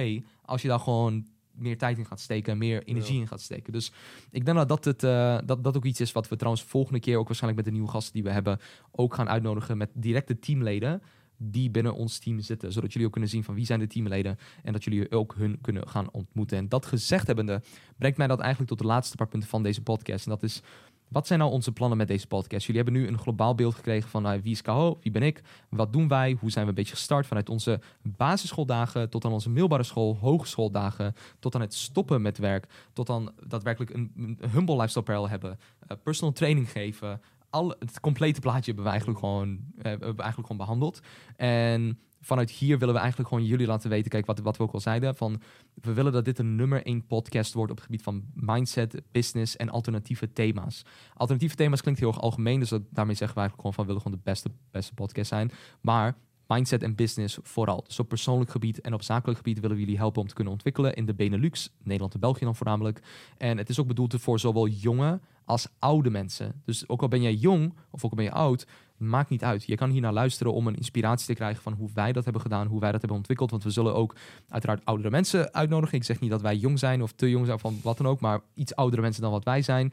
En jullie te inspireren naar mogelijkheden om inkomsten voor jezelf te verdienen om uiteindelijk zo meer locatievrijheid, tijdsvrijheid, financiële vrijheid te kunnen gaan behalen en te verkrijgen voor jezelf. Dus wat ik al zei, persoonlijk, zakelijk vlak gaan we met jullie praten, inspiratie geven aan jullie hoe je beter kan worden als, als persoon zijnde, als man zijnde, als vrouw zijnde, maar ook hoe je beter kan worden als ondernemer in het algemeen als je besluit die kant op te gaan of gewoon überhaupt hoe jouw carrière beter kunt gaan vormgeven. En wat ik al zei, er staan gasten op de planning. Dus volgende week zullen we nog meer mensen hebben die ook eh, meer hun verhaal gaan doen over wat, uh, wat zij aan het doen zijn en dergelijke. We hebben al heel veel mensen op de wachtlijst staan. Dus ben jij of ken jij mensen die ook eventueel interesse zouden hebben om bij deze podcast aan te sluiten? Laat het ons dan zeker weten. We hebben een best wel grote waslijst, maar Hmm. Wat ik al zei, laat het ons even weten. En als er bepaalde dingen zijn die jij zou willen zien, of waarvan je denkt van, hey, hier moeten jullie het misschien over hebben, of feedback überhaupt op deze podcast, laat het ons weten. Want één ding wat centraal staat als persoon en als ondernemer, is dat je open moet staan voor constructieve feedback. En daar zijn wij ook gewoon altijd heel erg open voor. Dus laat het ons zeker weten in de reacties hieronder. Als je het op Sp- Spotify of op eh, ergens anders zeg maar luistert, check dan op de YouTube-video's, want daar kun je dan de reacties plaatsen. Kunnen we daar ook gewoon horen. Kunnen we zien wat jullie denken en jullie ook bij betrekken. Dus kortom, dit was de eerste voor Succes podcast. Dus ehm, Seizoen 2 trouwens. seizoen 2. De eerste ja. voor Succes podcast van seizoen 2. En ik hoop dat jullie het enorm leuk hebben gevonden. Wat ik al zei, dit was eigenlijk de intro. De intro van, de tweede, van, de, van het tweede seizoen. Maar eigenlijk een soort van ons om te kijken van oké, hoe gaan we het aanpakken? Hoe gaan we het doen? Maar los van dat, we vonden het in ieder geval heel erg leuk. Hopelijk hebben jullie meer geleerd over ons. Als je niet geabonneerd bent op onze Spotify voor Succes podcast of op onze YouTube channel, doe dat dan zeker. Abonneer je daarop, zodat je nooit meer een podcast gaat missen. We gaan even kijken qua tijd wat het beste werkt. Maar ik denk persoonlijk misschien twee tot vier keer per maand dat we een podcast gaan doen. Moeten nog wel even kijken hoe dat zal gaan. Want dan hebben we daar wat meer structuur in in de toekomst. Ehm, binnenkort nog meer episodes. Stay tuned. En eh, vanuit Kouwe en mij wensen we jullie een hele fijne dag. En zien we jullie graag in de tweede episode van de For Your Success podcast. Ciao.